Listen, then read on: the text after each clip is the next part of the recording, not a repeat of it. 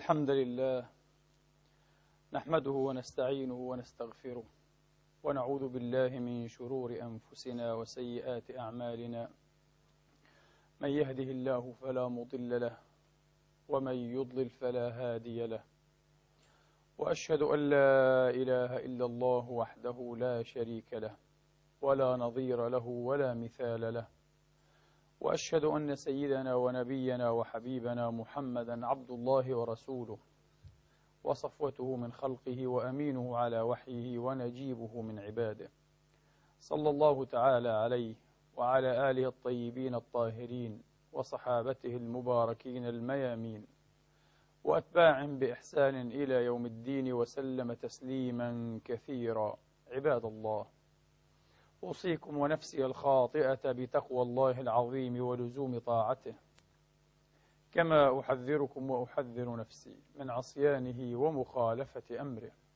لقوله سبحانه وتعالى من قائل من عمل صالحا فلنفسه ومن أساء فعليها وما ربك بظلام للعبيد.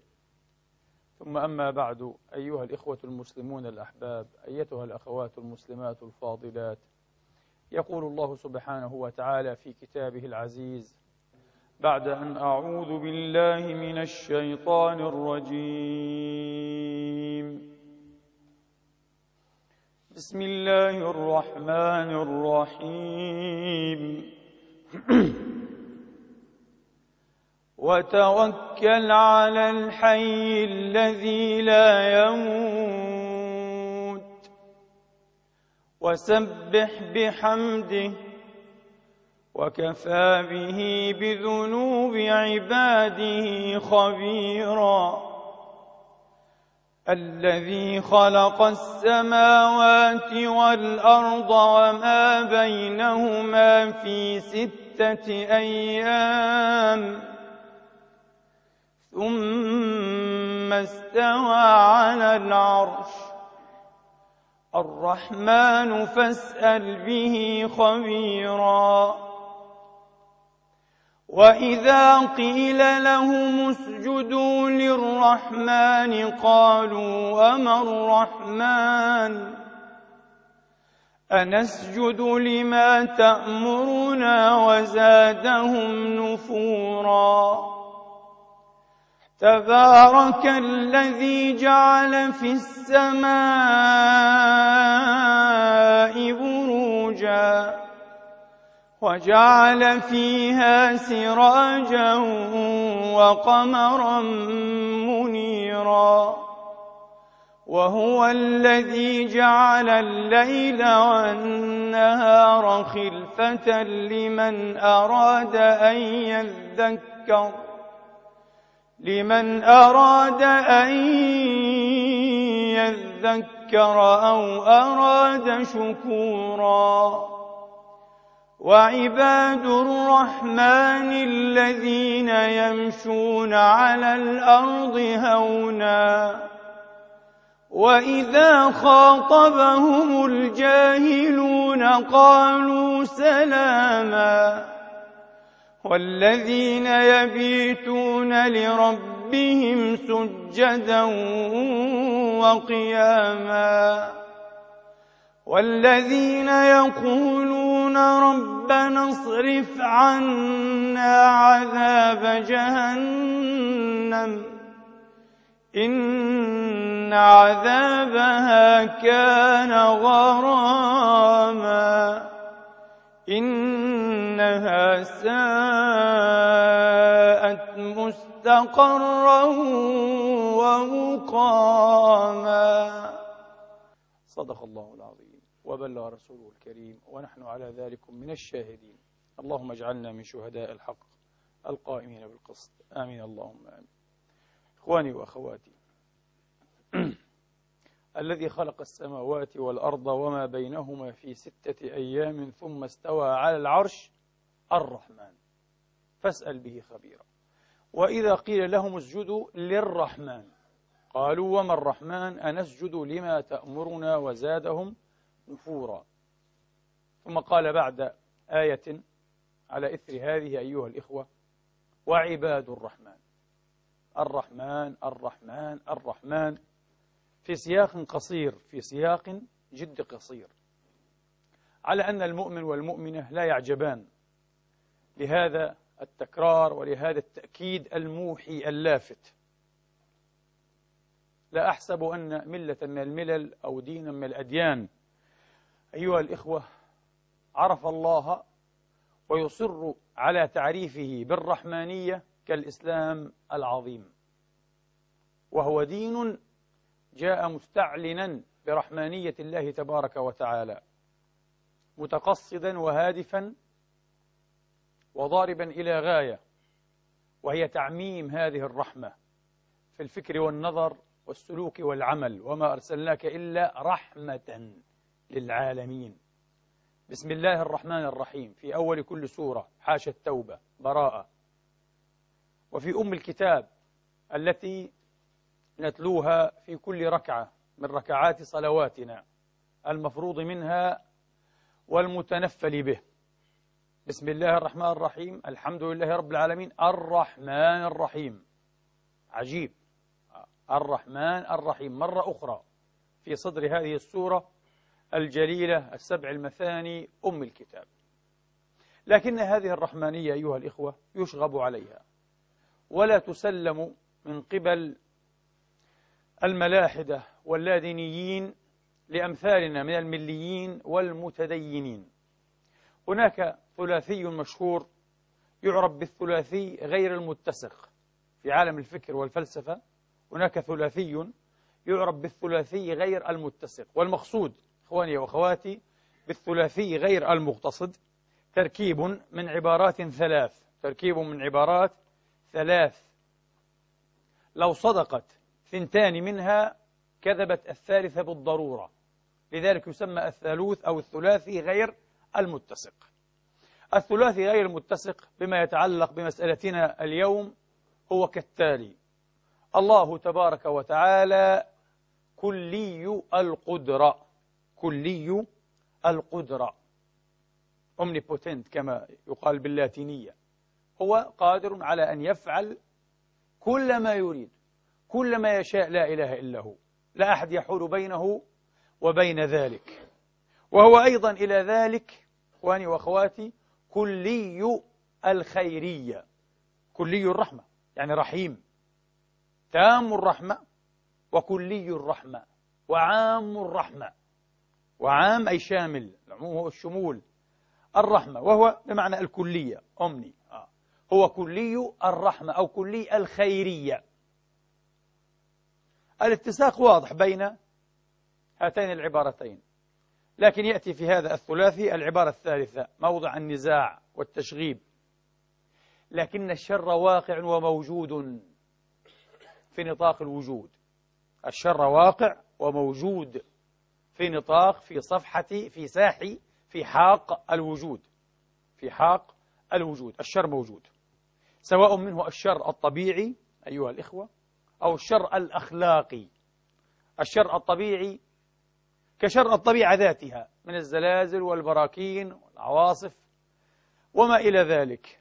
وأيضا من الشر الطبيعي الآلام والتباريح والأوجاع التي يعانيها ويتكابدها الإنسان بسبب الأمراض وما إلى ذلك. وهذا من الشر الفيزيقي من الشر الطبيعي من الشر الطبيعي.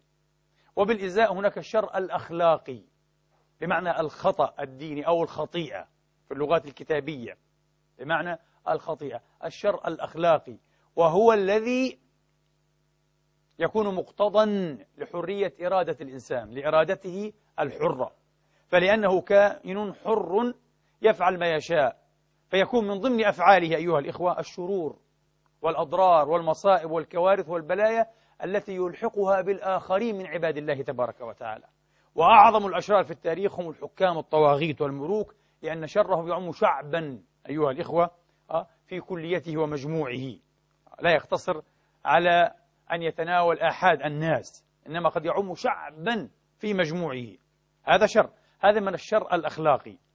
هناك ضرب من الشر وهو ضرب ثالث التفت إليه الفيلسوف الألماني الشهير لايبنيتس لايبنيتس ادعى أن هناك شرا ميتافيزيقيا شرا ميتافيزيقيا. والشر الميتافيزيقي في لغة لايبنيتس يعنى به ما يكتنف الموجود من حيث هو من عوامل النقص الموجود وفي رأس الموجودات الإنسان. ليس كاملا ليس perfect ليس كاملا. كان يمكن أن يكون ربما أفضل من هذا أحسن مما هو عليه لكنه ليس كاملا.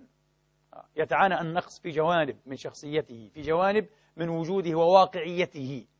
لايبنيتس دعا هذا وسماه شرا ميتافيزيقيا. شرا ميتافيزيقيا. إذا للتحديد أيها الإخوة الشر الذي يتحدث عنه الملاحدة واللادينيون والمشتبهون من المؤمنين يحدث هناك اشتباه لبعض المؤمنين والمؤمنات.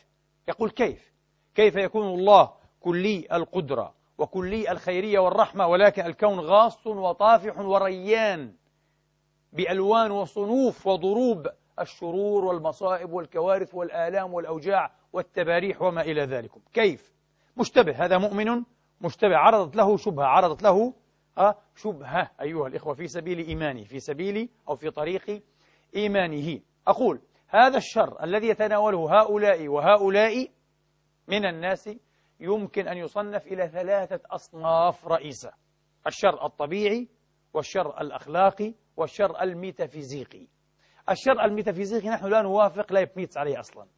ويتناقض مع نفسه. يتناقض إيه؟ مع مفهومه. ماذا يريد أن يقول لايبنيتس الموجود بما هو موجود. هذا أيضا في الفلسفة الميتافيزيقية. الموجود المخلوق يعني. كل ما عدا الله موجودات مخلوقة. كل ما أوجده الله تبارك وتعالى هو حادث بقدرة الله تبارك وتعالى. معمول ومفعول لله تبارك وتعالى. مبدع لله. هذا المبدع هذا المخلوق هذا المفعول بطبيعته. ميتافيزيقيا محدود محدود لأنه ليس خالقا. الخالق هو ال perfect الخالق هو الكامل. انتبهوا. أما المخلوق فلا بد فماذا يريد أن يقول لايبنيتس يعني أه؟ لأنه لا يمكن أن تتفادى هذه الحالة هذا المعنى. أن يوجد مخلوق وأن يكون ناقصا. ليس كامل ليس perfect أيها الإخوة. على الأقل ناقص لأن له بداية في الزمان. إذا هو ناقص. ناقص لأن له نهاية. ناقص لأن له ناقص لأنه لا يحتوي على كل الكمالات بمعنى ليس مستغنيا. الموجود الحادث أيها الإخوة محتاج. كل ما أوجده وكل من أوجده الله تبارك وتعالى محتاج. محتاج. محتاج إلى مدد من الله تبارك وتعالى. محتاج إلى مدد مستمر. هذه صفة الموجود بما هو. هذه صفة الموجود في نفس الأمر كما يقال. بلغة نفس الأمر. آه في الأمر نفسه. هذه واقعية الموجود. هذه الحالة لا يمكن أن تتلافى إلا بعدم الخلق أصلا أن يكف الله عن الخلق أن لا يخلق شيئا.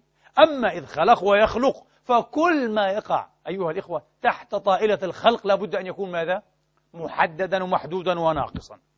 فلا معنى حقيقة لكلام لايبنيتس عن الشر الميتافيزيقي. هذا ليس شرا بالعكس لأنه في نهاية المطاف أيهما خير ألا يخلق الموجود أو المخلوق أصلا أن يبقى إيه؟ في حيز العدم حيث لا حيز أصلا أو أن يخلق مع نقصه مع كمالاته أيها الإخوة غير التامة مع الخير الكثير الذي يوجد فيه والشر القليل الذي يعرض له الذي يلابسه. لا شك أن الحالة الثانية الأفضل. أن الحالة الثانية هي الأفضل. أن يخلق مع خير كثير يلابسه ويعرض له في البين. يعرض له في البين شر قليل. شر نزر شر نزر. بالمناسبة الفيلسوف الكبير أرسطو شيخ الفلاسفة العقلانيين على ما يحكي ملا صدر الشيرازي في أسفاره الأربعة حين تحدث عن أصناف الموجودات من حيث علاقتها بالخير والشر أو بالخيرية والشرية رأى أنها يمكن أن تصنف إلى خمسة. ما هو خير كامل ومطلق لا يشوبه شر؟ اثنين ما هو خير كثير يشوبه شر قليل. ثلاثة. ما فيه خير قليل ممزوج بشر كثير. أربعة. ما هو متساوي الطرفين. الخير فيه يعادل تماما ويساوي آه، الشر. أخيرا ما هو شر مطلق. لا شية فيه للخير. لا شية فيه لا حظ لا نصيب. لا قسط فيه للخير. ثم صرح أرسطو وأتباعه من ورائه أن الثلاثة الأقسام الأخيرة لا وجود لها. لا وجود لشر مطلق لا يلابسه خير غير موجود. ومستحيل أن نثبت هذا مستحيل. وسوف نشرح هذا. لا وجود لمستوي الطرفين. لا وجود لخير قليل أه؟ مع شر كثير لا وجود. الموجود حقا في الوجود في حاق الوجود هو خير محض أو خير كثير مع شر قليل. هذا ما يعطيه النظر العقلي النظر الفلسفي. على الأقل في رأي شيخ الفلاسفة أرسطو طاليس ومن لف لفه وأخذ إخذه وأخذ إخذه. هذا المدخل التصنيفي أيها الإخوة مهم جدا لمناقشة مسألة اليوم مسألة اليوم. إذا التشغيب والاشتباه يأتي أيها الإخوة آه، ضمن هذا الثلاثي غير المتسق كما يزعم القوم كما يزعم القوم يأتي من حقيقة أن الكون غاص وطافح بالشرور والعذابات والآلام والتباريح آه، والمصائب والكوارث والنكبات هذا يكذب مباشرة أن الله تبارك وتعالى كلي ماذا؟ الخير أو يكذب إذا أردت أن تصدق أنه كلي الخيرية يعني كلي الرحمة أن تصدق كونه رحمن رحيما يكذب على الأقل ماذا؟ كونه على كل شيء إيه؟ قدير. إيه ممكن هو رحمن رحيم لكن لا يقدر. لا يقدر أن يدفع هذا الشر. لا يقدر أن يخلي الكون من هذا الشر. واضح؟ إذا أردت أن تصدق الأولى والثانية معا لا بد أن تكذب الثالثة. فتنكر أن في الكون ماذا؟ شرورا. لكن الحال أن في الكون شرورا. الثالثة واقعية. يقول هكذا الملاحدة واللا أدريون. الثالثة موجودة. الكون طافح بالشرور. إذا لابد أن تكذب ماذا؟ إما القضيتان السابقتان كلتاهما أو على الأقل واحدة إيه؟ منهما. كما فصلت لكم. هذا ما يعرف بالثلاثي غير المتسق في الفلسفة.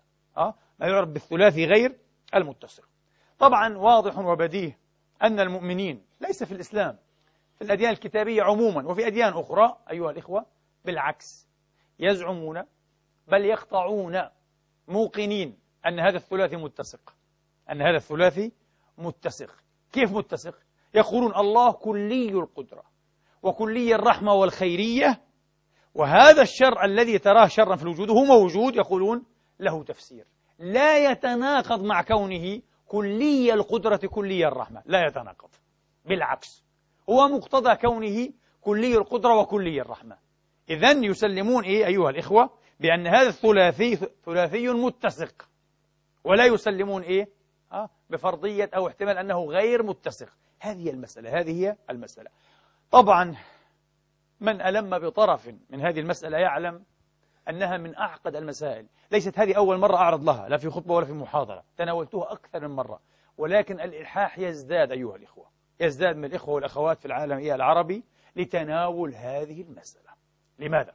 لأن هذه المسألة فعلا مسألة الشر ومشكلة الشر أيها الإخوة. بعضهم يدعي أنها معضلة هي مشكلة وليست معضلة. لماذا؟ معضلة لا حل لها. مشكلة لها حل. نحن نزعم أنها مشكلة وليست إيه؟ وليست معضلة. هي مشكلة وليست معضلة. نعم. هذه المشكلة أيها الإخوة تزود الملاحدة واللادينيين بواحدة من أقوى حججهم إن لم تكن أقواها على الإطلاق. في مجال ماذا؟ في مجال إنكار وجود الله تبارك وتعالى. يبنون حجتهم كالتالي. المفروض في تعريف الرب أو الإله أيها الإخوة أو الخالق أنه كلي القدرة يقولون وكلي الرحمة. ولكن بما أن الواقع أن الكون غاص بالشرور والآلام والمصائب إلى آخره فيضح من هذا أنه على الأقل ليس كلي الرحمة وبالتالي ليس إلها وبالتالي ليس هناك إله. لأن الإله المفروض أن نؤمن به لابد أن يكون ماذا؟ وهكذا آمنا به أن يكون كلي القدرة وكلي الرحمة. ثبت أنه ليس كلي الرحمة لأن الشرور تجتاح العالم تمخر عباب العالم إذا أين هذا الإله؟ فرضية آمنتم بها أنتم ليس لها واقعية أوف. هكذا يفكر الملاحدة والعياذ بالله نعوذ بالله من زلات اللسان وزلقات الجنان ونسأل الله أن ينور أفئدتنا وضمائرنا بنور معرفته وألا يسلمنا إلى أنفسنا وألا يقطع مدده وعنايته عنا اللهم أمين سألناك بك وبنور قدسك وجلالك يا رب العالمين. آه شيء مخيف أيها الإخوة. يزعزع إيمان الضعاف وإيمان المشتبهين ربما آه والمشوهي التفكير الذين لا طريق لهم ولا منهج حقيقيا صارما منضبطا في التفكير. إذا هذه يقولون حجة من أقوى الحجج. أنا أحب اليوم إن شاء الله أن أعيد نقاش هذه المسألة وأن أضيف فيها جديدا بإذن الله تبارك وتعالى لكن على أساس واضح لا أقصد فيه لأن المقام للأسف ضيق جدا خاصة نحن في الشتاء. لا أقصد فيه إلى تقصي أطراف الحجج والحجج المضافة. والحجج عفوا إيه؟ المقابلة. يعني البروف وديسبروفس آه كما يقولون. آه حجة وتفنيد. لا هذا موضوع طويل. تكتب فيه مصنفات كبيرة. تكتب فيه وقد كتبت مصنفات كبيرة. نعم. وهو موضوع من موضوعات اللاهوت يعني علم العقيدة سواء عند اليهود والنصارى أو المسلمين كما أنه موضوع من أكثر موضوعات إيه؟ الفلسفة وخاصة الفلسفة الخلقية. على أنه أيضا يتطرق إلى إيه؟ إلى الفلسفة الميتافيزيقية أو الأنطولوجيا بتحليل مفهوم إيه؟ الوجود كما فعل ابن سينا وسانت أوغسطين توما الأكويني حتى أبو حامد الغزالي وغير هؤلاء. بتحليل مقولة الوجود استطاعوا أن يعيدوا تعريف الشر تعريف الشر. إذا هو موضوع أنطولوجي موضوع أخلاقي. يدخل في بابين من أبواب الفلسفة الثلاثة. آه، الفلسفة إيش؟ أنطولوجيا إبستمولوجيا أكسيولوجيا. يدخل في الأكسيولوجيا يدخل في؟ في الأنطولوجيا. آه في نظرية المعرفة يمكن أن ندخله. أنا بالنسبة لي يدخل حتى في نظرية المعرفة. أنا سأساهم اليوم بإسهام جديد أثبت فيه أنه يدخل حتى في الإبستمولوجيا. كما سيأتيكم عند كلامي عن مقارنة العوالم وأفضل العوالم الممكنة. نظرية أبي حامد الغزالي ولايبنيتز مرة أخرى. أفضل العوالم الممكنة. فيدخل إيه؟ في الجانب الإبستمولوجي أو جانب نظرية المعرفة. نظرية موضوع معقد لأنه هو موضوع فلسفي بامتياز وموضوع عقدي بامتياز. أحب أن أضع فيه النقاط على الحروف أيها الإخوة بتبسيط شديد حتى لا نتيه ولا نضرب في إيه؟ في عمياء. لا نضرب في عمياء. أولا هناك ما يعرف وهذا أيضا التصنيف يساعدنا غير موجود في علم الكلام الإسلامي في علم العقيدة أه؟ لكن المعنى صحيح ويمكن إيه أن نستعيره.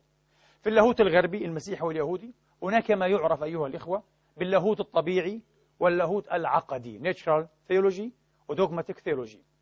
اللاهوت العقدي واللاهوت الطبيعي. باختصار ما هو اللاهوت الطبيعي؟ اللاهوت علم العقيدة الطبيعي يعني علم الكلام الطبيعي علم أصول الدين الطبيعي. علم اللاهوت الطبيعي أو اللاهوت الطبيعي يقصد به أيها الإخوة ما يمكن أن يستقل العقل بدركه وفهمه بعيدا عن معونة الوحي. في رأس اللاهوت الطبيعي مسألة وجود الرب لا إله إلا هو. العقل يستقل بهذا. صحيح. العقل يستطيع أن يستدل على وجود الله أيها الإخوة بغير الوحي. بالعكس أصلا الاستدلال بالوحي ريفيليشن يعني الوحي النازل من عند الله فرع ماذا؟ فرع الإيمان بوجود الله. إذا كيف يمكن أن نؤمن بالله؟ بالعقل. لا يمكن أن تؤمن بالله تقول لي بالوحي. صعب. مستحيل. تناقض. لابد أولا أن يقودك العقل أن يدلك على ضرورة الإيمان بالله. يعني بمعنى إيه؟ على أن وجود الله وجود ضروري. وجود الله وجود ضروري. لذلك يقال له واجب الوجود يعني ضروري الوجود. يعني لا بد منه. لا محيد لا مناص لتفسير الكون.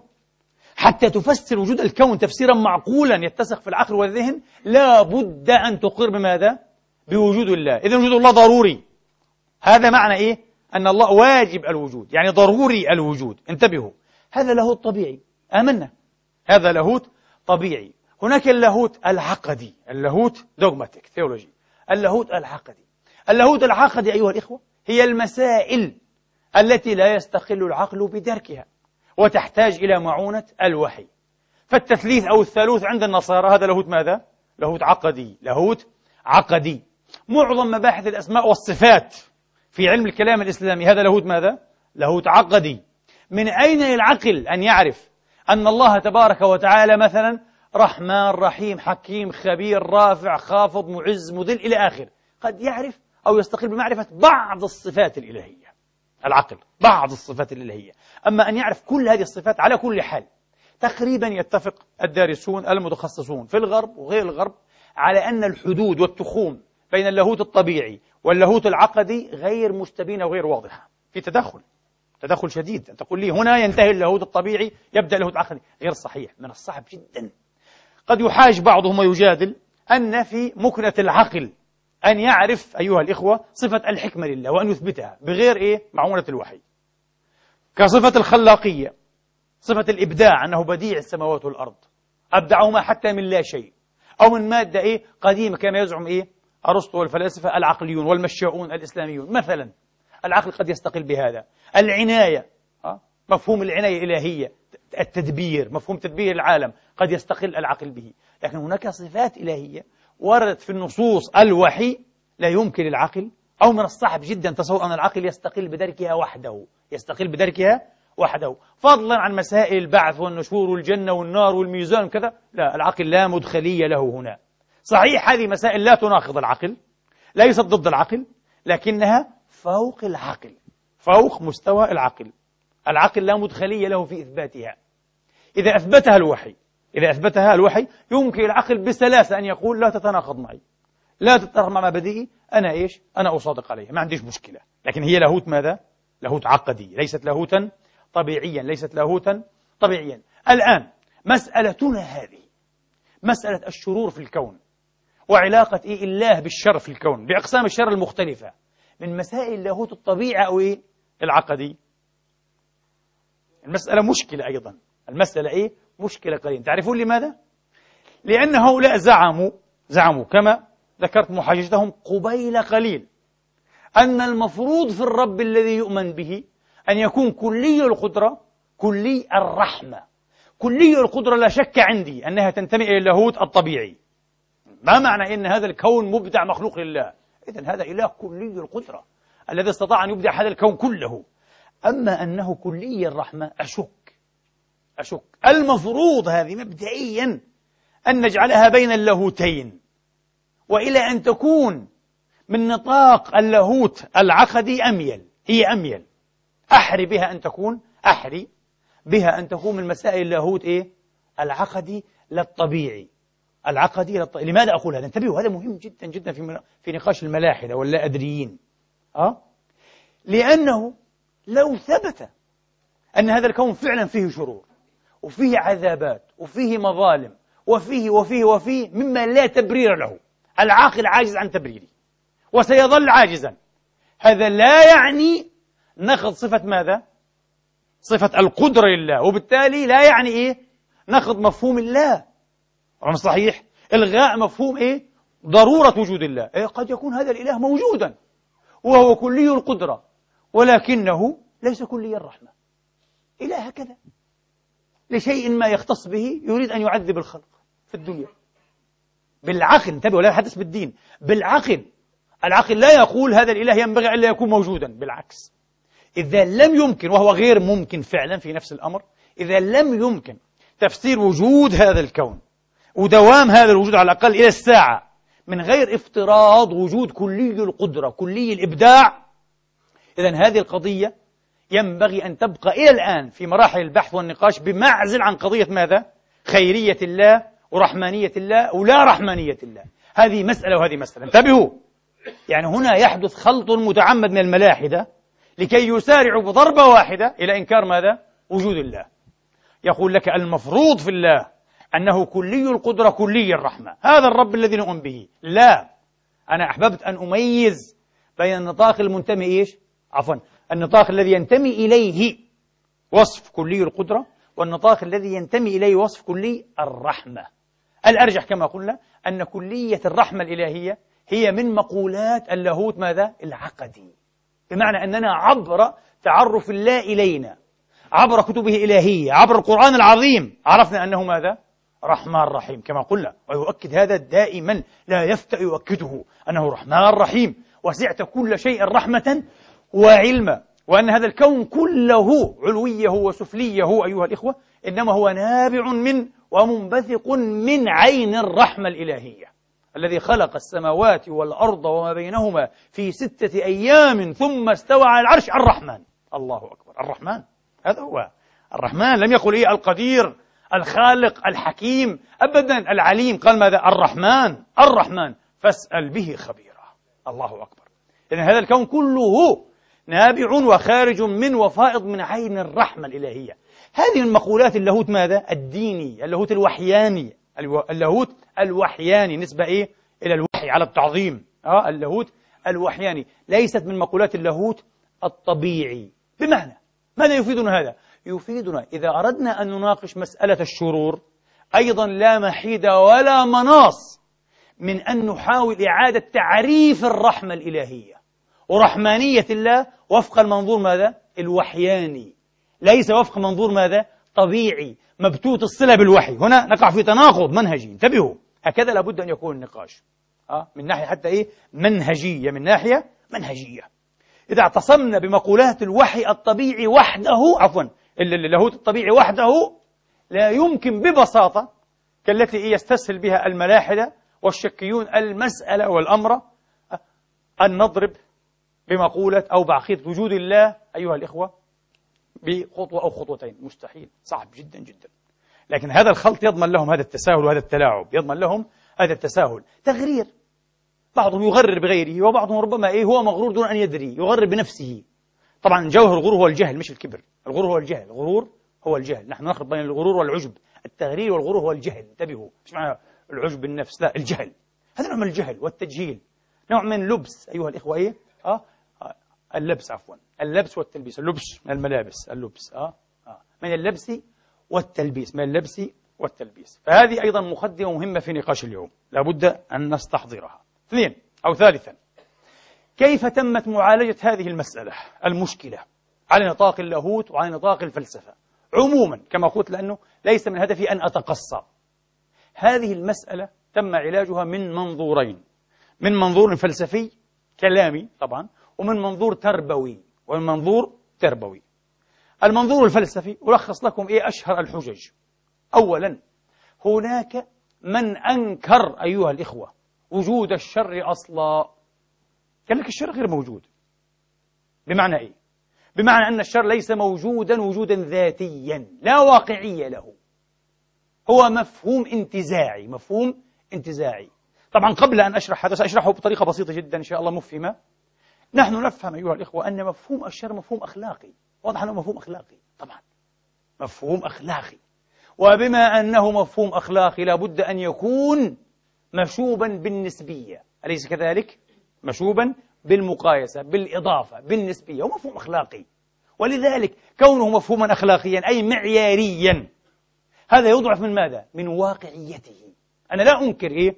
الواقعية تماما عن إيه؟ الأخلاقيات لكن معروف الشرح يضح هذا بعد قليل أيها الإخوة الصفات بشكل عام الأوصاف تنقسم إلى قسمين أوصاف ذات أو ذوات واقعية وأوصاف غير واقعية تسمى الانتزاعية. بمعنى الآن الماء موجود كالخشب موجود. صفة الوجود هنا أيها الإخوة صفة واقعية للماء للخشب للإنسان للسماء للأرض لكل شيء. واقعي. سواء وجد الذهن الذي يدرك أن الماء موجود ويملأ المحيطات أم لم يوجد الذهن الذي يدرك هذا الماء موجود. هذه صفة واقعية. أه؟ exists. أه؟ وجود يعني. طيب. هذا موجود. وهي أقرب إلى أن تكون إيه؟ صفة طبيعية فيزيس وهناك بالمقابل أيها الإخوة صفات ليس لها مجد هذه الواقعية. كيف؟ إذا قلنا الآن الماء ثقيل. الماء ثقيل. الماء موجود وثقيل. موجود واقعية. ثقيل ليست واقعية. بالنسبة لمن؟ بالنسبة إليك. أه؟ بالنسبة إلى هذا الكائن. السابح فيه. بالنسبة إلى كائن آخر خفيف وخفيف جدا. كالصغير والكبير. كالصغير والكبير. الأرض كبيرة إلى حد ما. بالقياس إلى ماذا؟ إلى القمر. وكبيرة جدا جدا. بالقياس إلى بطيخة. ها؟ أو إلى جل. صغير جدا. بلية. كبيرة جدا. وصغيرة جدا. بالقياس إلى إيه؟ الشمس. الشمس حجمها مليون و وخمسين ألف مرة قدر حجم الأرض. عجيب. أن تكون الأرض وهي شيء واحد موجود واحد كبيرة صغيرة أمر لا يدخل في العقل. متى يدخل في العقل؟ إذا كانت كبيرة صغيرة على أساس واقعي. مستحيل. لأن هذا متعارض. هذا إيه؟ متعارض. لكن على أساس انتزاعي على أساس مقارني على أساس قياسي صحيح. الأرض كبيرة صغيرة. كبيرة بالنسبة للبطيخة بالنسبة للقمر بالنسبة لبليا وصغيرة بالنسبة لماذا؟ للشمس والمشترى مثلا جبتها هكذا. لماذا؟ لأن الكبر والصغر ليس من الأوصاف الواقعية. بمعنى لو لم يوجد ذهن الإنسان الذي يضع الأرض في قياس أو في سياق مقايسة مع القمر والبطيخة والشمس لما وجد أصلا مفهوم إيش؟ الأرض صغيرة الأرض كبيرة. مستحيل. الأرض بس. مظبوط؟ هذا الفرق بين الصفات ذوات الواقعية وبين الصفات إيش؟ الانتزاعية تسمى صفات إضافية. طب نأتي الآن إلى ما يتعلق بموضوعنا الحيات والعقارب مثلا أه؟ كالزلازل والأعاصير والدمار وكذا الآخره الشرور. إيه؟ الآن العقرب إيه موجود مثلا؟ أو الحية موجودة. إيه هذه صفة صحيحة. وجودها صفة واقعية. أدركتها لم تدركها اعترفت بها لم تعترف بها موجودة. صحيح؟ هذه صفة واقعية. لكن طيب الحية ذات سم صفة واقعية. مركب معين. أه؟ معروف تركيبه الكيميائي اسمه إيه السم بغض النظر تسميه سم غيرك تسميه poison أي شيء ما لهاش علاقة أه؟ Gift كذا بالألماني المهم هذه المادة ذات التركيب الواقعي ويوافق طبعا إيه الكيميائي من أستراليا من مصر من أمريكا من النمسا على إيه؟ على أن هذا هو تركيب سم الحية، هذا هو بالضبط ها؟ هذه الفورمولا ما في هذه شيء واقعي ها؟ الحية موجودة الحية ذات سم لها سم ها؟ السم موجود هذه كلها إيه؟ أوصاف واقعية. الحيه شر السم شر. لا ليس وصفا واقعيا. هذا وصف انتزاعي. بالقياس إلي الذي أتأذى وأتضر وقد أفقد حياتي الغالية جدا ها؟ بلسعة أو بلدغة الحية والعقرب. إيه فالحية وسمها أصبح ماذا؟ شرا مضرا. طب بالنسبة إليها سمها شر؟ بالعكس بالنسبة إليها سمها من لوازم وجودها من شروط بقائها وامتدادها في الحياة. لولا هذا السم لهلكت. وأنا مش صحيح؟ ها؟ لهلكت. لأكلتها إيه؟ عوادي كثيرة. وضواري كثيرة. وفي مقدمها الإنسان ربما. يعبث بها ويجعله حيوانا إيه؟ مستأنسا. فتفنى مثلا هكذا. إذا السم موجود وصف واقعي. الحية موجود العقرب موجود وصف واقعي. السم شر الحية شر وصف ليس واقعيا. وصف ماذا؟ انتزاعي. يسمى إضافيا وصفا إضافيا. وصفا قياسيا. لو عدم الذهن ها الذي يحدث هذا القياس ويوجد هذه المقارنة هل توجد هذه الأوصاف؟ لا توجد انتبهوا هكذا عالج الفلاسفة ومن هنا اتفق هؤلاء الفلاسفة العقليون؟ أرسطو مهد لهذا السبيل سانت أوغسطين؟ ابن سينا أبو حامد الغزالي توما الأكويني إلى آخره إلى آخره قالوا باختصار الشرور أعدام الشرور أعدام ليست وجودات جمع عدم ليست وجودات. الشرور أعدام فالشر لا يعدو أن يكون عدم جوهر جوهر غير موجود ذات يعني غير موجودة أو عدم صلاح جوهر. كما عبر ابن سينا في كتاب ما وراء الطبيعة من موسوعته الإشارات إيه؟ والتنبيهات في أربعة أجزاء. نعم هذا هو. قال عدم جوهر أو عدم صلاح جوهر أو عدم صلاح جوهر. يعني ما يصلح به إيه؟ هذا الجوهر يعني الجوهر يعدم إيه؟ صفات معينة تجعله أقرب إيه؟ إلى أداء غرضه ووظيفته ومقصده هذا يصبح شرا في حق هذا الجوهر في حق بالجوهر بهذه النظرة الإضافية القياسية المقارنة أيها الإخوة يصح أن يعد شيء ما خيرا وشرا صحيح؟ كما قلنا كبيرا وصغيرا على أنهما متعارضان ولو كانت الخيرية والشرية أوصافا واقعية ذاتية. أيها الإخوة لتناقض الأمر ولا ما صح أن يوصف شيء واحد بأنه خير شر مستحيل. لكن لما كانت إيه؟ أوصافا إضافية وانتزاعية وقياسية يعني نسبية صح أن توصف في حق جوهر ما بأنها خير في حق جوهر آخر بأنها ماذا؟ بأنها شر. وانفكت الجهة وانفكت كما يقول إيه المناطقة؟ الجهة. في حق هذه الجهة كذا في حق هذا مهم جدا. هذه طريقة الفلاسفة لمعالجة هذه المسألة لمعالجة هذه المسألة. فالفلاسفة لا يسلمون ببساطة العامة أن الشرور موجودة ويعالجونها سيكولوجيا أو عاطفيا. ها والآلام والتباريح والمشاكل ولا لا لا لا المسألة ليست كذلك. هذه أعدام تريد أن تقاومها ولا بد أن تقاومها. قاومها بجهود إيجابية وجودية. يعني العمى الآن في حق الإنسان شر في حق الإنسان شر صحيح؟ لكن عمى الإنسان هو خير في حق أعداء الإنسان. من الحيوانات وبين الإنسان. جميل جدا أن يكون هذا الإنسان إيه؟ الذي هو عدو لهم أن يكون إيه؟ أعمى. عماه إيه؟ خير في حقهم وشر في حق نفسه. لكن ما هو العمى؟ ليس شيئا موجودا اسمه العمى بالعكس هو عدم ماذا؟ عدم صلاح جوهر. عدم صلاح الإنسان بانعدام إيه؟ أوصاف معينة. منها إيش؟ صفة إيه؟ البصر. عدمها الإنسان. لم يعطى هذا الشيء. يعني نقص. نقص شيء. لكن ما في شيء موجود اسمه العمى. انتبهوا. العمى ما موجود. العمى هو إيه؟ هو انعدام البصر. كالظلام. ما في شيء اسمه الظلام على فكرة. أبدا. الظلام هو انعدام النور. انعدام النور. ضع يدك الآن في طريق أي إيه؟ أي سيال ضوئي. ماذا يحدث؟ الظل. يقولون الظل. شيدو. ها؟ شاتن ما هو الظل؟ الظل هو انعدام ماذا؟ النور. حين ينعدم النور بالكلية وكل آثار النور. طبعا هذه مسائل طبيعية معروفة. يحدث ماذا؟ الظلام. فالظلام ليس شيئا موجودا. الظلام شر عند الناس لكنه عدم من الأعدام. الظلام شر لكنه كسائر شائر الشرور عدم من الأعدام. الجهل الجهل شر ومن أعظم الشرور لكن الجهل لا واقعية له لا ذاتية له. الجهل هو ماذا؟ انعدام الفهم انعدام العلم أيها الإخوة. انعدام العلم. الشأن في القابل للعلم أن يتعلم.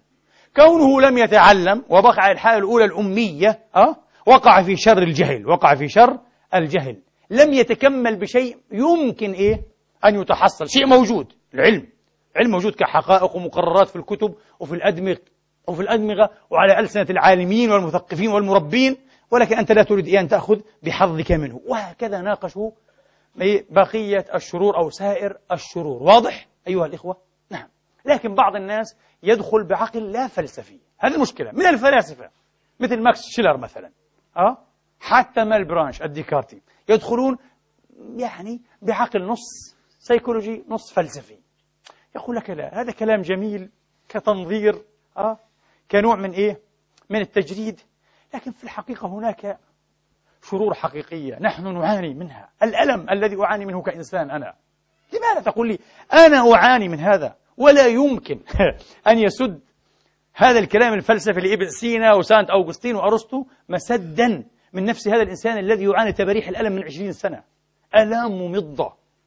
آلام ممضة مبرحة جدا. هنا هذا يفضي بنا إلى إيه؟ المقاربة الثانية الفلسفية لمعالجة مسألة الشرور وهي وهي انتبهوا أن هذا العالم كعقل واحد. وكنفس واحدة. أرسطو أيضا كان المؤسسين لهذه الفكرة وهي فكرة صحيحة علميا والعلم كل يوم يؤيدها بتأييد جديد. يعني الآن ميكانيكا الكم تؤيد هذه الحقيقة بشكل مدهش. لا أحب أن أقول معجز لكن بشكل مدهش فعلا. كون العالم نفسا واحدة أيها الإخوة عقلا واحدا كيانا واحدا وطبعا إيش السر؟ لأنه صدى عن ماذا؟ عن إله واحد لا إله إلا هو. خلف هذه الكثرات أو الكثرات أحسن شرفيا خلف هذه الكثرات والتنوعات والاختلافات والتباينات هناك ما يشي بوحدة روح إيه؟ العالم وحدة المنطق الساري إيه؟ في العالم وطبيعي يعكس إيه وحدة الخالق الموجد المبدع لهذا العالم لا إله إلا هو جل ثناؤه أه؟ ومجده في عليائه هذا أرسطو كان من المؤسسين لهذه الفكرة العظيمة كما قلت لكم في ميكانيكا الكم اليوم لدينا حتى مفهوم اسمه إيه؟ انتانجلمنت مفهوم التعالق في فيزياء الكم. يقول لك جسيم موجود هنا وموجود آخر له علاقة به على طرف الكون. ما يحدث لهذا يؤثر على ذاك على أنه لا علاقة مادية بينهما. شيء غريب. هذه الفكرة شرحتها عند تفسير إيش؟ لقصة عرش بلقيس من سورة إيه؟ النمل. هي أساس ما يعرف الآن بفيزياء التليبورتيشن فيزياء النقل الآني. أعظم ما توصل إليه إيه عقل الفيزيائيين على الإطلاق على الإطلاق. وهذا ربما يعد بعد خمسين بعد مئة سنة بعد ألف سنة بإمكانية أن تأتي ساعة أيها الإخوة تنقل فيها الأجسام بما فيها الأجسام الحية آنيا آنيا. مش بسرعة الضوء آنيا في اللحظة ذاتها. تفنى أنت من هنا لو توجد إيه؟ على مبعدة 15 بليون سنة ضوئية. نقل آني تيليبورتيشن شيء غريب. قبل أن يرتد إليك طرفك في لمح البصر. العرش يكون هنا كيف هذا؟ هو هذا. تعرفون لماذا؟ مبدأ التعالق انتانجلمنت في فيزياء الكم. مذهب معقد. كتب. هناك كتب. أنا عندي كتاب كبير اسمه التعالق. كله عن التعالق. فيزيائيا. يتحدث عن التعالق. إذا هذا الكون هذا الوجود. الفلاسفة فهموا تعالقية. أنا أسميها التآزرية. كنت أسميها التآزرية. تآزرية الكون. تآزرية الوجود فهموا هذا أيها الإخوة لكن مش بهذا العمق وإلى هذا إيه المستوى لكنهم فهموا الأصل أن الكون متعالق فما يرى أيها الإخوة شذوذا أه؟ لبعض من نغم أه؟ هو نظام في كل في الكل منتظم كما قال الحكيم إيه السبزواري أه؟ فأنت ترى هذا الشيء الآن شاذا غير ضروري مزعج زائدة دودية في الحياة في الكون في الوجود لا. بالنسبة إليك ربما. أو بالنظر إليه في ذاته. ترى هكذا. لكن لو رأيت دوره في المنظومة في الكل تعلم أنه لا بد منه. رينيه ديكارت الفيلسوف الشهير جدا والرياضيات الكبير الفرنسي كتب يقول صاحب المنهج مقالة في المنهج كتب يقول ما قد يعد شرا ما قد يعد شرا إذا نظر إليه وحده سينظر إليه على أنه خير لازم ضمن المجموع الكلي. صحيح؟ طبعا. الآن نشوف أي محرك أي آلة أي مشين حتى جسم الإنسان. هناك أشياء أرقى من أشياء هناك أشياء أهم من أشياء هناك أشياء تحظى باهتمام أكثر إيه من غيرها. لكن على أهمية الشيء المهم فالأقل أهمية أيضا مهم. ولو تضرر يعني الآن في آلة شديدة التعقيد ربما لو تضرر ترس صغير تعطب الآلة كلها. على أن هذا الترس لا يساوي ربما خمس فلسات. مهم جدا. لابد من إعادته إلى موضوعه. أه؟ برغي. أه؟ تتعطل الآلة. هكذا. لابد منه. لابد منه. على أنه برغي. حقير. حقير. لكن له دور كبير. ضمن إيه؟ ضمن الكل. ضمن الكل. فلذلك ذهب هؤلاء الفلاسفة إلى القول كل شيء في نظام الطبيعة والكون له دوره. إذا قصرت النظر وحصرته إليه وحده بحياله ربما استنكرته وشجبته. إذا نظرت إليه ضمن إيه؟ المنظومة فستتقبله. فمثل النور والظلال النور والظلام في اللوحة الفنية صحيح؟ هذا لازم وهذا لازم. طبعا هنا يعترض علينا أيها الإخوة باعتراضات أيضا عاطفية انتبهوا وليست فلسفية وليست عقلية وليست ذات واقعية حتى. ما لهاش واقع ما لهاش مصداق واقعي. يعني دوستويفسكي الأديب واستطيع أن نقول حتى الفيلسوف. هو أديب وروائي معروف أه؟ ولكنه عقل فلسفي وعقل محلل.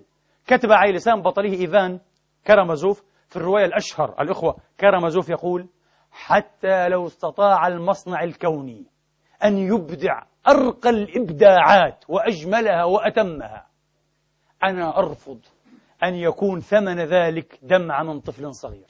إيه كلام عاطفي هذا هذا كلام شاعري هذا خطابي ليس كلاما برهانيا. ولا حتى إقناعيا. آه. كلام جدلي عاطفي. لماذا؟ أنا أصفه كذا تعرفون لماذا؟ اسمعوا إلى حجتي. حجة إن شاء الله تنال منكم إيه؟ إعجابا. أقول لإذان كرمزوف طبعا من خلفه إيش؟ لسيده ومولاه لمبدعه. أفيودور دوستويفسكي. أقول له لماذا ترفض يا سيد إيفان ترفض هذا وفاء لضميرك. وفاء من إيه؟ بمتطلبات الضمير الإنساني. أقول له هذا الضمير هو ابن هذه الكلية. من الذي أنشأ ضميرك؟ من ماذا يبتنى هذا الضمير؟ يبتنى من لحاظ صراع الخير والشر الحق والباطل النور والظلام العذاب والهناء. صحيح؟ الألم والراحة. هو هذا. من خلال ملاحظة ومتابعة وملاحقة هذه المتعارضات وأحيانا هذه المتشاكسات نبت ما يعرف بالضمير الإنساني. الذي يرفض الذي يرفض. لولا هذه الأشياء لما كان لك هذا الضمير ولا لما رفضت أصلا. انتبه. في تناقضات أنت ابن هذا الكون ابن هذه إيه؟ التركيبة ابن هذا النظام ابن هذه الكلية في تعاضدها. وأنت مما يؤكد تعاضدها وتهازرها صوت الضمير هنا يصادق على ضرورة ماذا؟ استمرار إيه؟ هذه النظم أيها طبعا هناك نوع من المحاججة العاطفية الجدلية مش البرهانية. يأتيك أي من يقول لك لا لا لا لا مصيبة هذه. هذا تفكير مصائب كوارثي. لماذا يا سيدي؟ قل هذه الفلسفة كارثية فلسفة استئصالية نازية فاشية كليانية شمولية. لماذا؟ يقول لك بهذا المنطق تحرك ستالين. وبالمنطق عينه اندفع هتلر كالمجنون. يذبح بالملايين ويطهر بالملايين. والمسألة عنده مسألة إحصائية فقط. خلصنا المليون الثاني ودخل في الثالث. إحصائية وبالملايين شيء مخيف. فهتلر وستالين وكل هؤلاء الشموليين أيها الإخوة فعلا يستسلفون إيه؟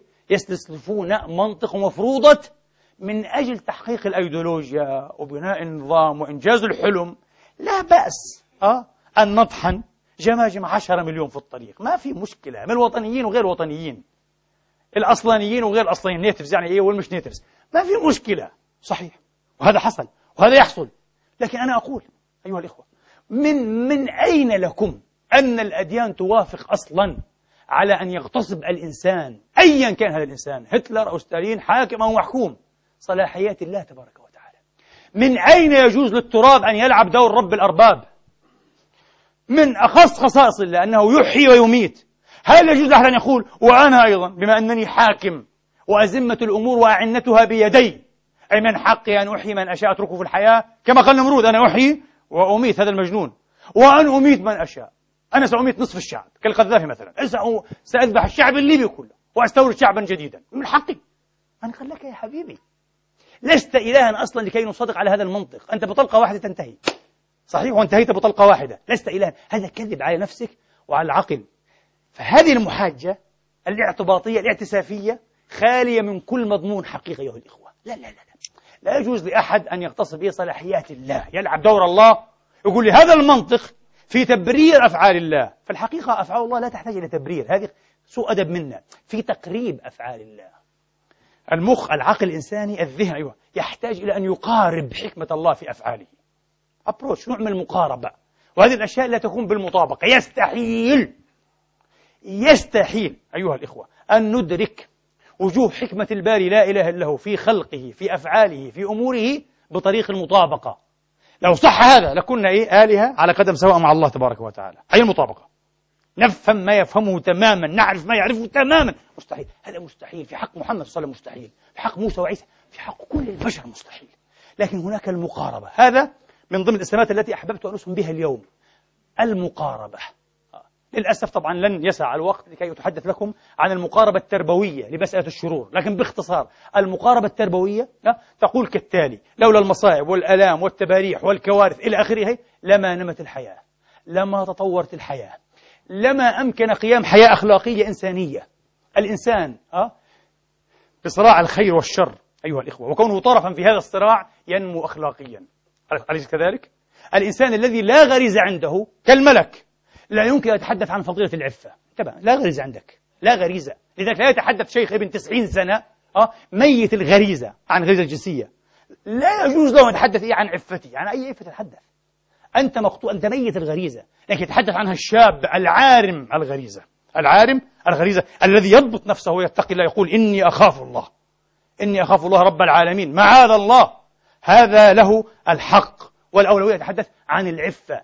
من أين تقوم هذه الحياة الأخلاقية بصراع ماذا؟ بصراع الخير والشر الحق والباطل النور والظلام الصح والخطأ أليس كذلك؟ أو الصحيح والخاطئ الحياة الأخلاقية الحياة الروحية أيها الحياة العلمية والتقنية لذلك يقولون الحروب دورها لا ينكر في تقدم ماذا؟ التقنيات والصناعات معروف قنبلة الذرية متى اخترعت؟ في الحرب العالمية الثانية أه؟ الأسلحة الكيميائية ومتى تطور أحسن تطوير في الحرب العالمية الأولى الحرب الأولى حرب الكيميائيين الحرب الثانية حرب إيه؟ الفيزيائيين الحرب الثالثة الله أعلم حرب المجانين. أي. هكذا. فالحروب لها دورها حتى نكبات الحروب والحروب هي أم القطائع وأم الانقطاعات لكن لها دورها إيه؟ في التقدم. لذلك كتب لايبنيتس يقول ها ما قد يعد شرا على طريق ديكارت وهو متأثر بديكارت لايبنيتس ما قد يعد شرا قد يعد ضرورة في سبيل التقدم العلمي. أحيانا نرى أنه ضروري لتقدم إيه؟ العلوم والصناعات. يفهم هذا هيجل فيلسوف المثال الألماني العظيم هيجل كتب يقول المعاناة والألم والعذاب. مسائل ضرورية تماما لارتقاء الإنسان والركب الإنساني. ضروري. لا نتقدم بالدعوة بالنوم نتقدم عبر الحروب عبر الدموع عبر الدماء عبر الألم. ألفرد دي موسيه الشاعر والروائي والمسرحي الفرنسي الشهير في القرن التاسع عشر كتب يقول الإنسان متدرب تحت التدريب. والألم أستاذه. الإنسان متدرب والألم أستاذه. الإمام علي عليه السلام أه؟ قال كما في النهج قال النباتات البرية أو الشجرة البرية أه؟ أصلب عودا والروائع الخضرة أرق جلودا والنباتات البرية أيها الإخوة أطول أو أحسن وقودا وأبطأ خمودا إنها برية تصمد حتى تحت النار تحت حر... ومن هنا مفهوم الفتنة في القرآن الكريم الفتنة الفتنة وضع الذهب التبر في النار. لكي يتميز ماذا؟ الخبث إيه؟ من الذهب الصحيح. كذلك الإنسان يفتن في فرن المعاناة في فرن المحنة في فرن المرض الألم الحرب الموت فقد الأحباب أه؟ فقد العافية والصحة إلى آخره إلى آخره. هكذا. هذه باختصار كلام التربويين وعلماء النفس وعلماء التزكية والصوفية. عن أو بصدد مقاربة تربوية لمسألة الشرور والآلام والمصائب باختصار باختصار. نعود الآن إيه إلى مساهماتنا في هذه المسألة. يا إخواني أولا انطلاقا من مصطلح مقاربة نحاول أن نقارب حكمة الله. نقارب رحمانية الله في خلقه وفي فعاله لا إله إلا هو. وكل فعاله رحمة إن شاء الله وحكمة وصواب بلا شك وصلاح بلغة المعتزلة بلغة المعتزلة. لكن أقول لكم انتبهوا جزء كبير من المشكلة أننا مخدوعون لي وباللغة.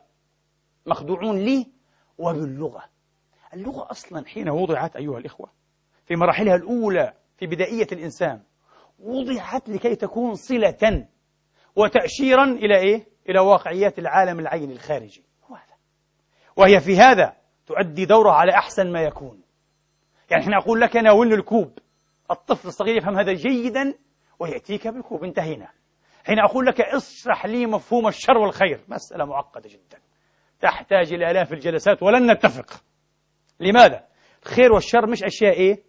ذات واقعيات ملموسة ذاتية مثل الكوب مثل الكرسي مثل المنبر اللغة أصلا وضعت إيه؟ للتأشير إلى إيه؟ الأشياء الأولى من الطائفة الأولى تطورت بعد ذلك لماذا؟ مش اللغة لأن العقل الإنساني ذو لياقات وملكات مؤهل أيها الإخوة بالروح الإنسانية آه، أن يطور وسائله لكي يتعاطى مع أشياء فوق طبيعية وتتجاوز الطبيعي. هو العقل الباحث عن الله تبارك وتعالى. أليس كذلك؟ المتشوق والمتشوف لله والاتصال بالله. ومزيد التقرب منه لا إله إلا هو. هو نفسه العقل هذا الذي لا يكف عن ذلك. منذ البدائية إلى اليوم في أرقى أعصار العلم تاريخيا إلى اليوم يفعل هذا. لا يفتأ يفعله باستمرار وبحمية وحماس منقطع النظير. لكن انتبهوا من أين تأتي المخدوعية؟ كيف نخدع؟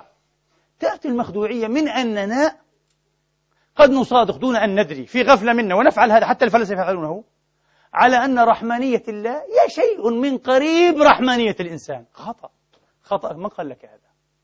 هذا من باب ضعف اللغة قصور اللغة. يستحيل أن تكون هذه الصفة التي آثر الله أن يصف نفسه بها بأنها هي رحمة ورحمانية هي على نحو ما نعرفه من رحمانيتنا نحن. صحيح؟ إيه؟ مستحيل يا جماعة.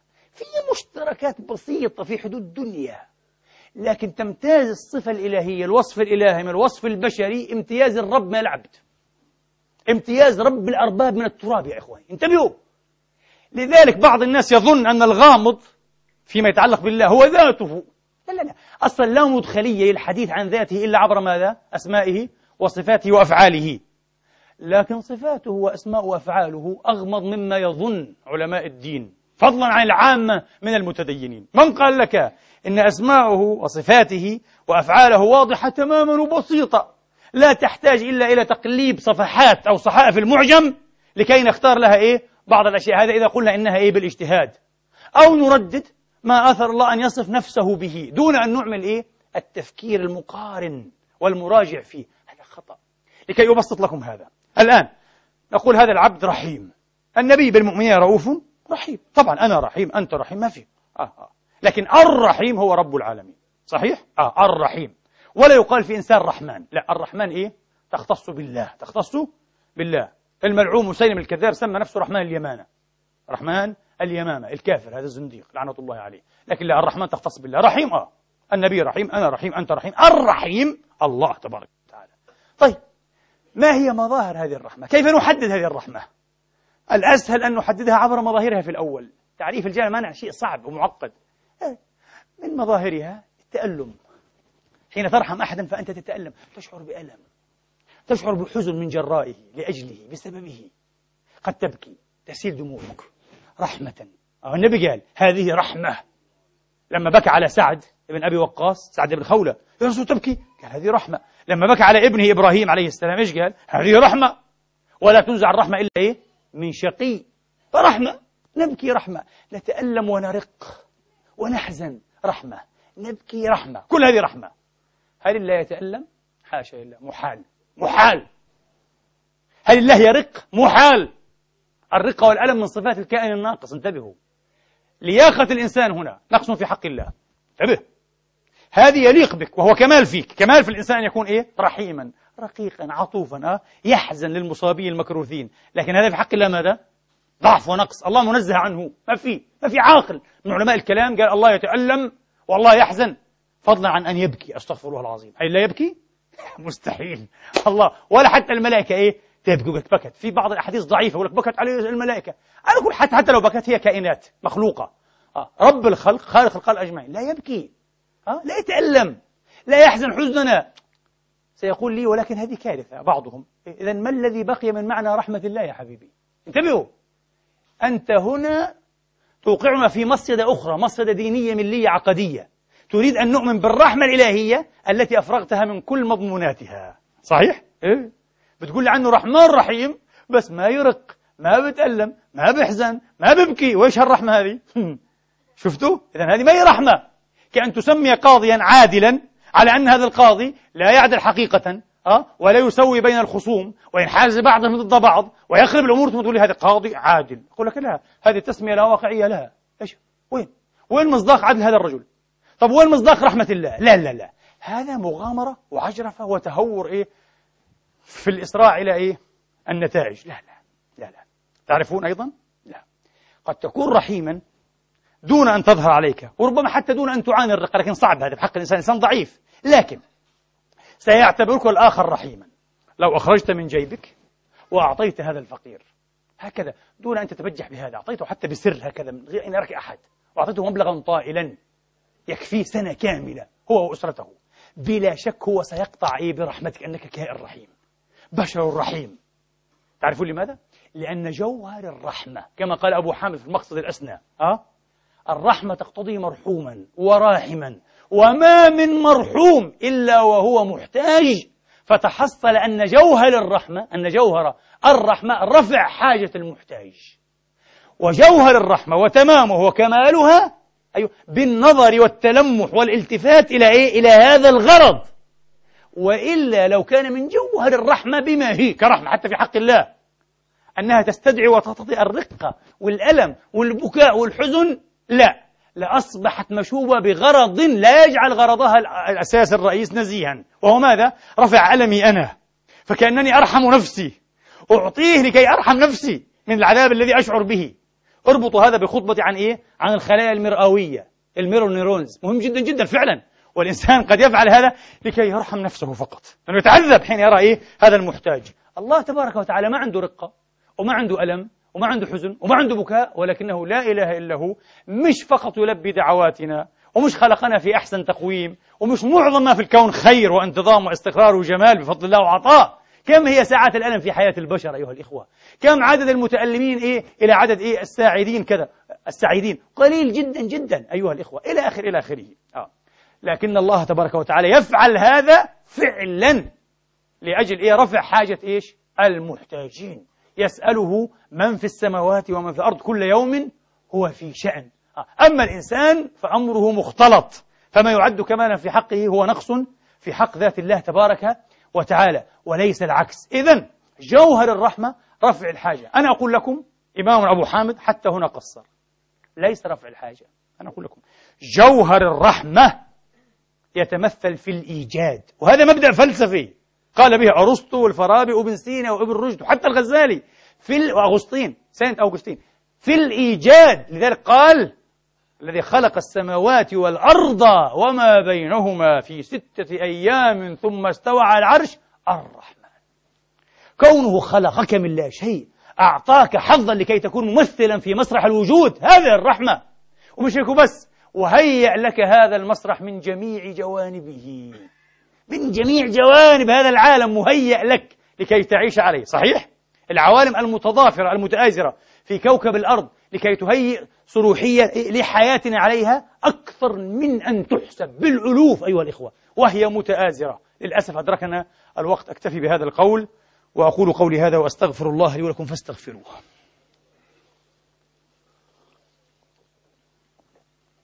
الحمد لله الحمد لله الذي يقبل التوبة عن عباده ويعفو عن السيئات ويعلم ما تفعلون ويستجيب الذين آمنوا.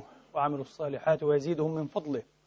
والكافرون لهم عذاب شديد وأشهد أن لا إله إلا الله وحده لا شريك له وأشهد أن محمدا عبده ورسوله صلى الله تعالى عليه وعلى آله وأصحابه وسلم تسليما كثيرا. إن شاء الله إخواني كل الجمعة السابقة بعد صلاة الجمعة في خمس دقائق نكمل إن شاء الله المقاربة الأخرى التي أردت أن أسهم بها.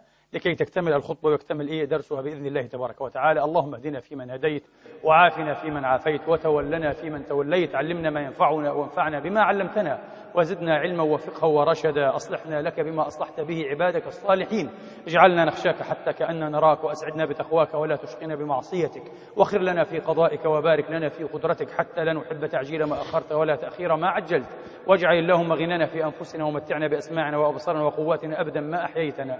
واجعله الوارث منا واجعل ثأرنا على من ظلمنا وأقر بذلك عيوننا إلهنا ومولانا رب العالمين. عباد الله إن الله يأمر بالعدل والإحسان وإيتاء ذي القربى وينهى عن الفحشاء والمنكر والبغي يعظكم لعلكم تذكرون وأخم الصلاة. قلنا إيه؟ قلنا ما الذي بقي من رحمة الله تبارك وتعالى؟ بقي منها إخواني جوهرها وهو إرادة إيصال النفع إلى المحتاجين. إيصال النفع إلى المحتاجين. بل هو الأمر أكبر من هذا كما قلت في آخر إيه؟ الخطبة الأولى أيها الإخوة. تهيئة المناخ تهيئة الجو تهيئة كل الظروف والشروط التي تجعل وجودنا صالحا. وإمكانية البقاء والامتداد ممكنة أيها الإخوة وراهنة. هذا أصل الرحمة الإلهية. لكن ليس هذا المهم. المهم إخواني وأخواتي أن ندرك وأن نسلم بتواضع بتواضع أننا إزاء صفات الله تبارك وتعالى نحن إزاء غموض كبير هائل بمقدار غموض الله ذاته كذات لا إله إلا هو. الأمر ليس واضحا كما يحسب الناس بدليل انتبهوا تفطنوا هذا الشيء. أن مفكرا عبقريا ومتكلما لوذعيا بل فيلسوفا أه؟ هائلا. في قامة أبي حامد الغزالي تقاضاه الأمر سياحة امتدت لعشر سنوات متصلة. محاولا أن يقترب من الله من الحقيقة المطلقة. انتبهوا! هذا طبعا لم يفعله إيه؟ غير أبي حامد إلا قلة. تعرفون لماذا؟ لأنهم يكتفون الإيمان بمقررات وترديد وتكرارات. تكرارات أشياء في كتب التفسير والعقيدة. أما أنهم تساءلوا مثل هذه الأسئلة اليوم طبعا التي يسألها الملاحدة واللا أدريون ووصلوا إلى جواب حقيقي مقنع ومعمق. لا. كلام. بعضه جدلي بعضه إقناعي إلى آخره. بارك الله فيك. آه. هكذا. أما أبو حامد لا. كان صادقا مع نفسه أحب إيه أن يقارب المسألة بعمق حقيقي بمصداقية. فتقضاه الأمر عشر سنوات كاملة. ولو أنه وجد الجواب بعد شهر وشهرين من العزلة والبحث والتفكير لعاد إلى أهله لم يجد. عشر سنوات يا أخواني. مسألة صعبة. لذلك أنا دائما في السنوات الأخيرة أدعو أدعو تحت عنوان الامتياز عفوا الإيمان امتياز حقيقي. الإيمان ليس مسألة تقليد. معظم إيمان البشر ليس المسلمين فقط هو مسألة تقليد يقلد ويكرر ما يقوله إيه له الوالدون والمعلمون والمربون فقط. فالمسيح في بيئة مسيحية والمسلم مع مسلمين واليهودي مع يهود. هذا ليس إيمانا. الإيمان الحقيقي امتياز. ما معنى امتياز؟ يعني يبدو يظفر به قلة سعيدة جدا من البشر. اللهم اجعلنا من هذه القلة. قلة! وبدليل على فكرة يعني لا يهولنكم هذا الوصف أو هذا التوصيف. هذه حقيقة. تعرفون لماذا؟ أسئلة اليوم مثلا تراود كل إنسان ما من إنسان إلا إيه يتساءل مثل هذه الأسئلة. لكن أقول لكم معظم من تراودهم هذه الأسئلة بل تقض مضاجعهم أحيانا أكسل من أن يستمعوا إلى خطبك اليوم. ولك ساعة طويلة. يا حبيبي ما شاء الله أنت باحث عن الإيمان. أنت فيلسوف يريد أن يتساءل أسئلة الفلاسفة العظام والمشككين الملاحدة وما عندوش وقت. ساعة. وعنده ألف ساعة للعب والمتع أه؟ وحضور الأفلام والمسلسلات. فقضية الإيمان عنده قضية لعب. انتبهوا قضية. فعلا تقليد تقليد فارغ. فضلا عن إيه؟ أن يعطي نفسه فرصة أن يقرأ كتابا من 500 ولا 1000 صفحة الموضوع. مستحيل. ما عندوش وقت. إذا هذا يلعب. لا لا لا لا. الذي يبحث حقا ويعاني كأبي حامد الغزالي مسألة تحتاج معه إلى عمر بطوله. عمر بطوله. العمر كله سيكون إيه؟ بحثا عن الله تبارك وتعالى. مع أننا نقر ونعبد لكن نبحث. ونقارب أكثر. إن ربي على صراط على صراط. أنت تقطع مراحل إلى الله. اهدنا الصراط. طب وليه اهدنا ما إحنا مهديون. ليش مهديون؟ إحنا في بداية الهداية انتبهوا. الإيمان ليس شيئا ناجزا. الإيمان عملية مستمرة ممتدة بامتداد العمر. هذا إذا أخذته بجد. وكنت من هؤلاء الممتازين. كنت من هؤلاء. ولذلك تحت عنوان امتيازية الإيمان أو الإيمان كامتياز ندعو إخواننا وأنفسنا من قبل أيها الإخوة إلى أن يجد كل منا نسخته الخاصة من الإيمان. كيف النسخة الخاصة من الإيمان؟ عبر التجربة الروحية. مثل تجربة أبي حامد. لا بد أن يكون لك تجربة حقيقية. تعاني وتكابد وتضحي فيها بأشياء مادية ومعنوية. آه؟ نعم مما يخصك. لكي تقترب من الله تبارك وتعالى. مقاربة الله مقاربة الله. بلا شك أن أبا حامد مثلا فضلا عن الصديق مثلا الإمام علي سيدنا عمر فضلا عن رسول الله والرسل أيها الإخوة. أي مفهومهم لرحمة الله وعن رحمة الله أحمق وأوسع بكثير من مفهومنا نحن إيه؟ عن رحمة الله. الإنسان العامي الفهم الذي يستسلفه ويستحضره لرحمة الله لا يسعفه أن يصبر على بلوى صغيرة. وليش يا رب؟ وليش عملت فيا كده؟ أستغفر العظيم. يبدأ يجدف. يبدأ يجدف تحت ابتلاع بسيط. في تجارة خسر له 100000 يورو ولا 10000 يورو. وليش يا ربي؟ ليش أنا بالذات؟ مش هذول مش استغفر ما فاهم حاجة هذا مش فاهم حاجة هذا. يقول لك أنا الله وبسم الله الرحمن الرحيم. وجودها طيب أنت لا تفهم من هو الرحمن الرحيم. آه أنت الآن كفرت برحمانيته عشان إيه؟ ألف يورو. وببساطة لأنك لم تعرف الله رحمانا رحيما لا إله رحمانا رحيما. فهذا باختصار إيه؟ عن المسألة هذه. نحن نحتاج أن نقارب هذه الصفات عبر تجربة روحية عبر نسخة خاصة من الإيمان مش جدليات واحد يقول لا دي مسألة طويلة قوي هي طبعا مسألة طويلة ومعقدة وهذا هو الإيمان. الإيمان مش درس في الفلسفة والفيزياء بتأخذ بطلك ماشي فيه. أبدا. انتبهوا. الإيمان في حقيقته وهذا ما ضل للنصارى. النصارى اعتقدوا أن الإيمان في نهاية المطاف هو شيء غير معقول بالمرة. ولأنه غير معقول هو يقتضي أن تسلم دون أن تفكر. بالعكس نحن ضد هذا. يقول لك إيه؟ يقول لك credo quia absurdum. أؤمن به لأنه غير معقول. ترتليان ترتليان. أؤمن به لأنه غير معقول. absurdum. غير لا. في جزء من المعقولية وجزء آخر لا يتكفل به العقل تتكفل به الروح. انتبهوا. وهي معنى اهدنا الصراط المستقيم. اللهم اهدنا صراطك المستقيم. فلا نضل ولا تغضب. فلا نضل ولا تغضب. أخيرا عاد الجزء الأخير. وأنا قلت لكم سأسهم بإسهام أثبت فيه أن مسألة معضلة أو مشكلة عفوا الشر لها جذور وجوانح إبستمولوجية. كيف؟ انتبهوا. الذين تحدثوا عن أفضل العوالم الممكنة مثل أبي حامد الغزالي. في الحقيقة أنا أبرر أبا حامد الغزالي من شبهة أنه قال هذا العالم أفضل العوالم الممكنة غير صحيح. أبو حامد لم يتكلم مرة أه؟ بلغة مقارنة. بين هذا العالم الواقعي وبين عالم مفترض. هذا غلط خطأ. سأوضح هذا غدا بتفصيل لأول مرة على فكرة ولم أسبق إليه. غدا إن شاء الله عندنا محاضرة مهمة جدا ستكون الأهم على فكرة. أهم الجزء الأول عن أبي حامد الغزالي غدا عن علم كلامه وعن فلسفته عن إنجازاته الحقيقية. بعض الناس عاتب علي لماذا تبجل؟ قال لي أنا معجب بك هذه كارثة. ما الذي أعجبك في أبي حامد لحظة. ما الذي أعجبك في أبي حامد الغزالي؟ أعجبني فيه ما ستسمعه غدا. أبو حامد عند النظر والتحقيق أنا أقول لك أعظم بمراحل من إبن رشد نفسه. أعظم وعقله أعظم بكثير من ابن رشد نفسه بمراحل لمن عرف أبو حامد. لكنهم يكذبون عليه. نعود أيها الإخوة أقول المقاربة إيه؟ الأبستمولوجية أو الكشف عن الجانب الأبستمولوجي المسألة إيش هو؟ لا يمكن أن تتحدث تقول لي إيه؟ هذا العالم كان يمكن أن يكون أحسن منه.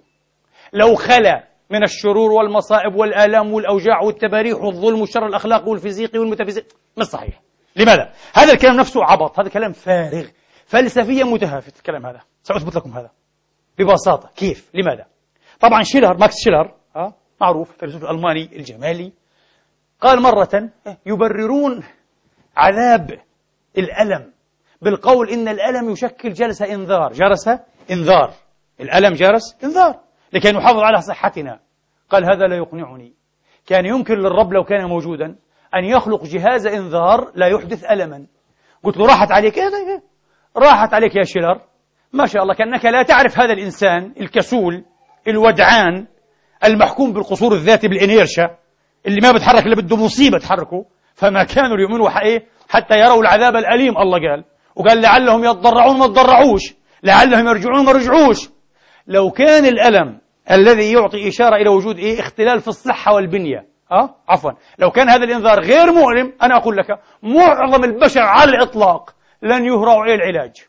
بالعكس من رحمته تبارك وتعالى أن جعله مؤلما لكي يحضهم على العلاج لأنه يرحمهم. كالأم التي تفتح فاها صبيها بالقوة فاها ابنها بالقوة وتؤلمه لتسكب فيه الدواء المر. طلبا إيش؟ لعلاجه وعافيته وهو لا يدرك. يدرك إيه؟ فقط إيه؟ قسوة أمه لا حنانها. هذا كلام فارغ هذا كلام عاطفي مش علمي. بعدين يا إخواني الآن ليش المقارنة بين العالمين مقارنة سفسطية؟ لا مكان لها. تعرفون كيف؟ هم يفترضون أنه يمكن أن نقارن بين هذا العالم الذي أدركنا نقصه وتشاكسه وفوضويته وبين عالم آخر على الضد من هذا. أولا من الذي أدرك نقص العالم وتشاكسه وفوضويته؟ أنا أقول لك أكبر فيلسوف في حجم كانت أو أرسطو لا يستطيع الآن أن يقدم لنا اقتراحا لتحسين محرك نفاث في طائرة. وهذه صنعة بشرية إبداع بشري حقير وبسيط جدا جدا جدا أكبر فيلسوف لا يمكن أه؟ أن يقدم اقتراحات لتحسين إيه؟ الهيئة الكونية مستحيل هو أصلا أكبر فيلسوف وأكبر عالم مثل علماء الفيزياء الفلكية وغيرهم هم يطمحون أن يفهموا كيف يعمل هذا الكون بيقتربوا أكثر وأكثر من كيفية عمل هذا الكون المدهش مش يصلحوه فما هذه الجعجعة والعجرفة والغرور والتنفج الذي يسمح إيه لفلاسفة وملاحدة أن يقولوا نحن رأينا أن هذا العالم ناقص وكأوتش وفوضوي ومتشاكس وشرير وبدنا نفترض عالما إيه خيرا منه كل هذه عجرفة غير صحيحة كل هذه عجرفة غير صحيحة وأشياء كثيرة سجلت على أنها نقائص وعلى أنها كذا كذا في الكون وخرجت بعد ذلك ماذا؟ مترجمات لحكمة الله الدقيقة في هذا الكون أليس كذلك؟ معروف هذا في تاريخ العلم في تاريخ العلم ثانيا الكون الآخر المفترض أن نفكر فيه. من الذي أبدعه؟ خيالي أنا كملحد أو كإيه؟ فيلسوف أو كلا أدري أجنوستيك خيالي. خيالك هذا وفكرك. ابن ماذا؟ ابن هذا الكون. صحيح؟ ضمن نطاقه بشروطه وبظروفه. ها؟ ضميرك كما قلت ابن هذا الكون ابن هذا الوجود. إذا الذي سيخلق كونا آخر ليس هو إله كامل. قادر على أن يرعى كونا بحياله. كونا كاملا كما يرعى كونه هذا. ولكنه خيال إنسان مريض ومتعجرف متغطرس قاصر على أن يفهم هذا الكون ويدعي أنه يريد إبداع كون آخر أكمل منه. وفي الحقيقة أنا أقول لكم نظر هذا المتعجرف القاصر فقط إلى تحسين نسخة الإنسان. الكون فيه خمسين ألف بليون كائن صح؟ حيوانات ونباتات لا هو بده إيه؟ فقط نسخة الإنسان هذه أن تكون أحسن وأفضل ما فيها علم ما فيها نقص ما فيها عمى ما فيها إيه متاعب ما فيها قصور في الوظائف وبس. إيش هالإله هذا؟ العاجز الناقص. هو هذا إيه إله الملحد. هذا الإله الملحد الإنسان المتعجرف. غير صحيح. هذه المقارنة غير واقعية غير علمية غير فلسفية. مقارنة مضللة تماما بين عالم لم نفهمه وعالم يخلقه ماذا؟ فكر إنسان خلق في هذا العالم. إذا العالم الآخر لن يكون عالما آخر. فهمتوا؟ فهذه المقارنة مستحيلة. لذلك في النتيجة بقي أمامنا شيء واحد. شيء واحد. فلسفيا. تعرفون ما هو؟ أن نتواضع وأن نحاول أن نفهم هذا العالم. بس. وأختم. ويليام كروكس مكتشف الإشعاع وصاحب بعض أعظم وأهم الاختراعات في القرن العشرين. كروكس يقول من بين الصفات النادرة التي أتاحت لي مواصلة البحث والوصول إلى جديد الاكتشافات والمنشآت عن المخترعات تواضعي الناجم عن شهور عن شعوري الصادق بجهلي. إني جاهل مش فاهم حاجة. قدرت أفهم بعدين. أما ادعاء أنك أنت فاهم ها؟ وأكثر حكمة واقتدارا وتدبيرا من رب العالمين. وفاهم كل جوانب النقص في هذا الكون وقادر تبدع لسه كون أحسن منه. آه تنقح فيه نسخة الإنسان. كل هذه عجرفة. تاريخ فعلا ببعض إيه؟ ملاحدة الفلاسفة وأمثال هؤلاء. ولا طريق لا بعالم متواضع. ولا بفيلسوف يدري ما يخرج إيه من فمه. والمقارنة نفسه كما وضحت لكم لكن هذا يحتاج إلى بسط شديد بده محاضرة. المقارنة نفسها فلسفيا مستحيلة. هذه المقارنة التي لم ولن إيه؟ تكون صادقة في يوم من الأيام. وأكتفي بهذا القدر وارفعوا النداء. بارك الله فيكم.